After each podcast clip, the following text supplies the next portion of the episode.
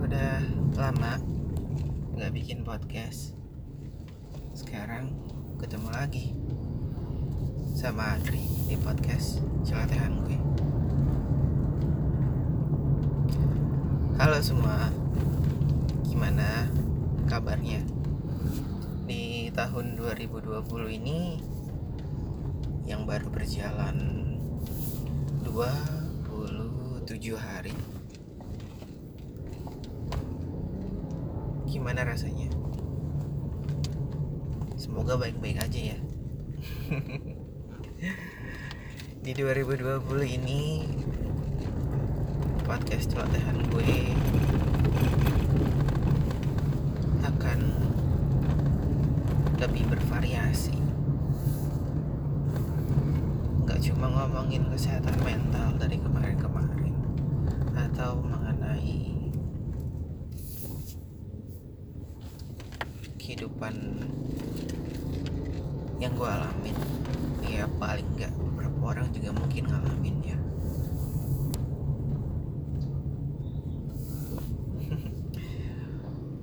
pada podcast kali ini ini perdana banget sih sebenarnya. Gue ngomongin soal ya bisa dibilang expertise yang gue punya. Expertise yang gue punya dan gue dapatkan dengan cara yang uh, painful. Painful dalam artian gue nggak berdarah-darah di sini cuma gue lebih ke apa namanya korban perasaan korban mental juga. Waktu segala macam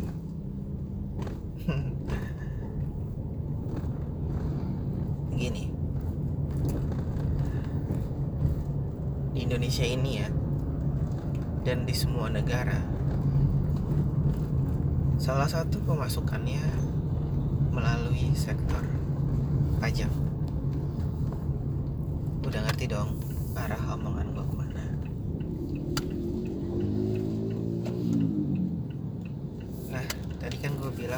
expertise. Ya gue bisa bilang gue expertise gue di sini tapi gue nggak jago-jago amat di podcast kali ini kita ngomongin soal pajak dulu yuk. Banyak orang yang ngerasa ngapain sih gue bayar pajak gitu manfaatnya nggak gue dapetin langsung gitu. Dan ini baru-baru gue ditanya sama salah satu karyawan di kantor gue karena saat itu gue ngebantu mereka untuk uh, ngisi form pendaftaran NPWP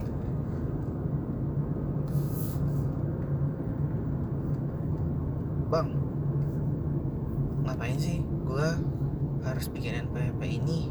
Ngapain sih gue bayar pajak orang nggak kelihatan ini gue dapat apa? Ya. Sebenarnya kalau mau dijelasin panjang lebar bisa. Tapi bagi orang-orang awam yang masih belum aware soal pajak dan masih belum ngerti soal pajak akan akan bingung juga. Akhirnya gue cuma bilang gini gini pajak ini kan diatur sama undang-undang.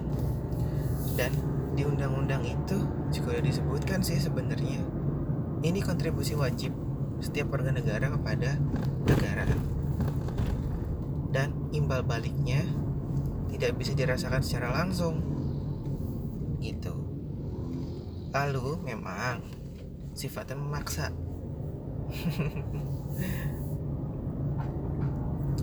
Analoginya seperti ini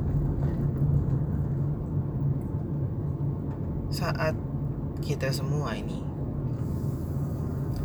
Kita semua nih uh, bekerja.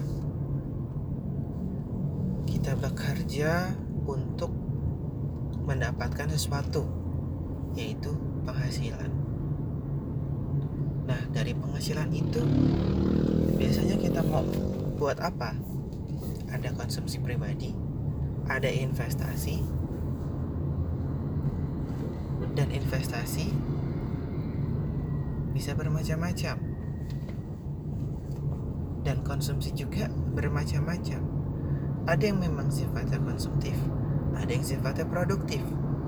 Sedangkan kalau investasi sifatnya sebagai simpanan yang di kemudian hari bisa dicairkan. Begitu pula dengan negara sekarang coba bayangin. Dari hal yang simple aja. Gimana cara menggaji segitu banyak ASN bagaimana cara untuk memberikan subsidi? Ya subsidi bahan bakar minyak subsidi kesehatan.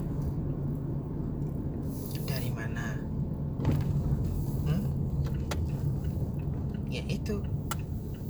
Dari pajak. Salah satunya ya.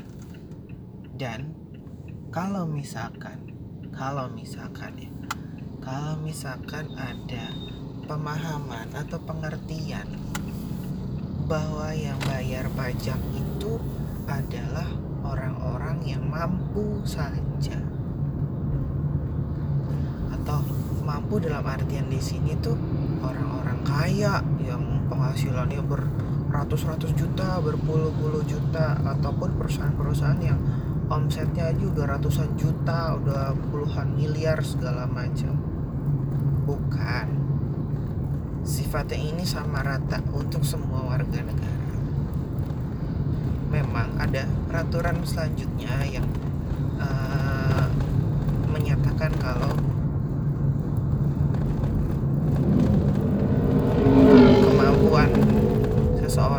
dipajaki saat ia mempunyai penghasilan berapa. Dan juga negara nggak tutup mata kok di dalam peraturan juga ada juga nilai nominal yang menyebutkan berapa penghasilan kita yang tidak kena pajak kenapa dibilang penghasilan tidak kena pajak? Karena negara sadar bahwa ada batas minimum. Batas minimum konsumsi atau bisa dibilang batas hidup seseorang saat dia uh, melakukan kehidupannya aneh ya? Istilahnya saat mereka hidup sehari-hari berapa nih dalam setahun perkiraannya? Dengan konsumsi standar. Gak yang lebih-lebih. Sudah pasti mencukupi kebutuhan sandang, pangan, papan dengan standar yang diterapkan. Di mana satu unit warga negara itu adalah ayah, ibu, dan maksimal tiga anak. Masing-masing mempunyai bagian sendiri-sendirinya dalam penghasilan tidak kena pajak itu lalu apakah kita bisa sukarela untuk membayar pajak di Indonesia masih belum. Berapa sudah ada yang sadar? Beberapa ada yang belum? Yang sadar pun akhirnya hanya bisa ya ya sudahlah. Memang harus bayar sama gimana juga gitu. Kenapa? Karena tingkat kepercayaan masyarakatnya terhadap alokasi penggunaan keuangan pajaknya masih rendah juga karena masih banyak juga kasus korupsi kasus yang lain-lain yang istilahnya aduh uang gua dipakai buat korupsi bla bla bla bla gitu. Oke. Okay.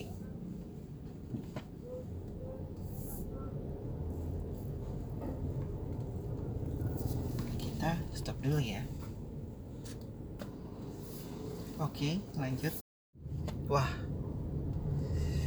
Kita balik lagi nih.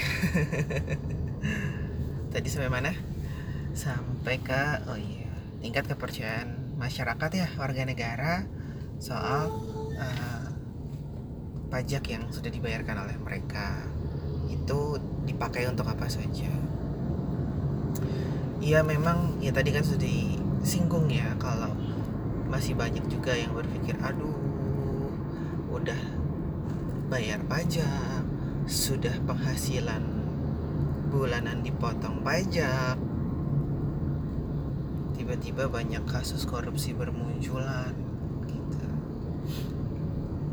Waduh berarti uang pajakku dipakai untuk korupsi bla bla bla bla bla bla. Dan akhirnya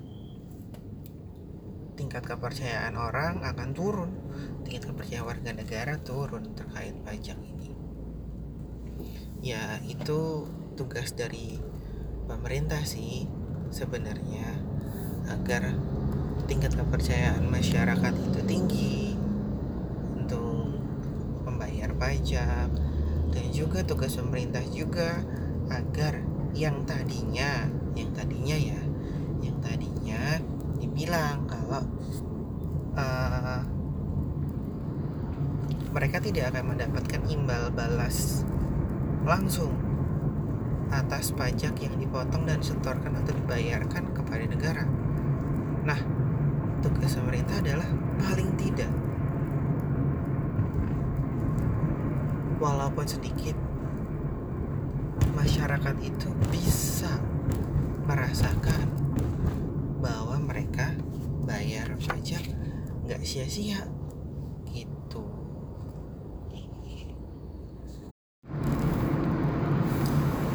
kan sekarang sudah mulai masuk masa pajak nih.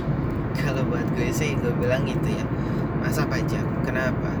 Karena empat bulan ke depan ini gimana masing-masing uh, individu dan perusahaan sudah harus melaporkan pajaknya kepada negara. Di Maret atau kalau di kalau kita baca peraturannya tiga bulan setelah tahun buku berakhir intinya tahun buku atau tahun tahun buku dan tahun pajak kalau tahun pajak berakhir itu tahun pajak berakhir Desember. Dalam art dalam artian sekarang tahun 2019 berakhir di Desember 2019 berarti laporan pajaknya itu harus dilaporkan di Maret 2020 ini untuk perusahaan itu di April 2020 jika tahun buku mereka itu sama dengan tahun pajak Januari sampai ke Desember. Ada pula beberapa perusahaan yang tahun bukunya berbeda. Biasanya sih perusahaan asing ya karena mereka mengikuti tahun buku perusahaan-perusahaannya. Ada yang Juni ada yang Juni uh, sorry ada yang Juli ke Juni.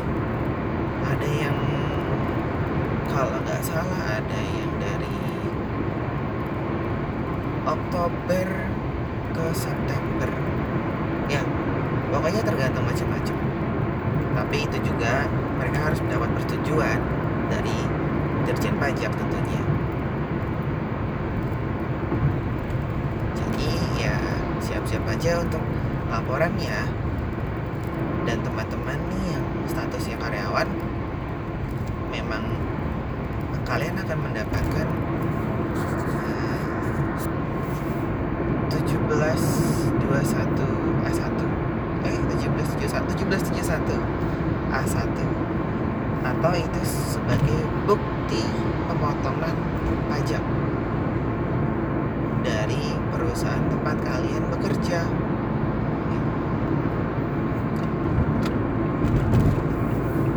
dan itu harus dan sifatnya wajib diberikan oleh pemberi kerja kepada karyawan-karyawannya. Kenapa? Karena perusahaan mempunyai kewajiban untuk memotong setiap penghasilan, memotong ataupun ada beberapa perusahaan yang memang sangat baik hati. Mereka menanggung atau membayarkan pajaknya sebagai bukti sudah dibayarkan pajaknya dengan cara perusahaan sendiri membayarkan jadi bebannya ataupun memotong dari karyawan maka perlu diberikan bukti potong sebagai bukti kalau memang pajaknya sudah dibayarkan dan disetorkan ke negara. Lalu A1 itulah yang menjadi dasar bagi kita nih yang bekerja di perusahaan untuk melaporkan pajaknya. Dan sekarang laporannya sudah online loh. Hmm, belum lihat lagi peraturan barunya. Apakah masih bisa diterima secara uh, manual atau kita isi form, kita print di atas kertas F4, lalu kita laporkan ke kantor pajak tempat kita terdaftar tempat kita terdaftar itu berarti sesuai dengan alamat. Dan kita sebelumnya harus mempunyai NPWP dulu. Sebagai identitas pajak kita. Karena NPWP itu adalah nomor pokok wajib pajak.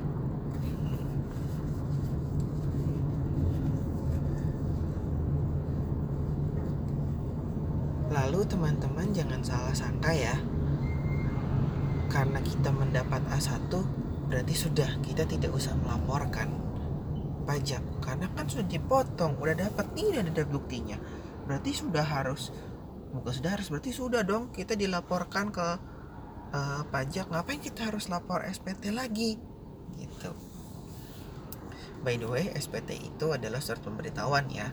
Ada yang bulanan ada yang tahunan. Nah, nggak seperti itu. Kenapa? Eh, nggak uh, seperti itu dalam artian tadi kan kita udah dapat A1 berarti kita nggak perlu lapor dong gitu. Oh, itu pemahaman yang salah. Kenapa? Karena begini. Uh, dewasa ini saat ini banyak dari kita yang bekerja itu memang kita bekerja di suatu perusahaan tapi kita punya usaha sampingan. Kenapa? Kita punya usaha sampingan. Alasannya mungkin dari zaman nenek moyang sampai sekarang dan sampai nanti kiamat itu adalah sama. Memenuhi kebutuhan hidup. Nah karena sifat dari pajak itu kepada semua warga negara yang bersifat memaksa dan yang dipajaki adalah penghasilan dan setiap tambahan penghasilan bagi semua wajib pajak. Nah, berarti tadi atas jualan, atas segala macam itu sebenarnya dipajaki juga. Maka dari itu perlulah dilaporkan SPT, surat pemberitahuan. Dan di dalam surat pemberitahuan itu memang banyak sekali sih form-form, uh, bukan formnya, banyak sekali kotak-kotak yang harus diisi yang harus di apa namanya ya e, dimengerti ini isinya apa ini buat isi apa segala macam. E, itu bisa kalian pelajari sendiri atau kalian minta dipandu untuk diajari. Uh, minta dipandu diajari lagi minta dipandu untuk mengisi itu dan sekarang sudah simple karena sudah melalui uh, secara online ya. Itu ada step-stepnya kok ada dibantu. Tapi kalaupun masih pengen tahu bisa kok. Bisa kalian ngobrol sama saya. Bisa kalian ngobrol gimana sih caranya untuk ini? Ini maksudnya apa? Bisa. Kirim email aja. Lalu oh perlu diingat saya bukan konsultan pajak. Saya hanya orang yang kebetulan. Kebetulan punya expertise di sini karena memang pekerjaan dulu seperti itu. Bekerja di sebuah kantor konsultan pajak selama beberapa tahun dan kuliah pun juga mengambil pajak. Ya paling nggak tahu dikit-dikit lah. Oke balik ke SPT ya. Nah dari tadi yang sudah dijelaskan kalau oh ada penghasilan-penghasilan lain yang harus kita laporkan gitu. Kenapa? Karena uh, setiap penghasilan itu merupakan tambahan penghasilan bagi seluruh wajib pajak dan harus dilaporkan dan harus misalkan ternyata dari tambahan penghasilan itu ada pajak yang harus dibayarkan ya harus dibayarkan kepada negara gitu dan juga fungsi dari SPT itu juga itu adalah sebagai uh, apa namanya ya instrumen. Sebagai instrumen bagi negara khususnya Direktur Jenderal Pajak untuk mendata dan menghimpun informasi terkait wajib pajak. Begitu. Oke lah. Uh, sekian dulu ya. Udah lumayan nih 20 menit kita ngomongin pajak yang agak jelimet sih sebenarnya. Tapi moga-moga dengan penjelasan yang gua jelaskan lewat podcast ini paling nggak bisa membantu sedikit lah ya. Ya gue coba bis, cuma mau mencoba menjelaskan secara fun secara simple mengenai pajak itu yang ya yang gue ngerti. Oke selamat tahun baru 2020 Selamat menikmati tahun ini atas semua kejadian di 2019 dan sebelumnya yang buruk-buruk. Dibuat cerita saja. Dibuat refleksi jangan sampai diulangi. Dan yang jelas nikmati agar kesehatan mental kita juga lebih baik lagi. Oke? Okay? Adri cabut. Thank you. Bye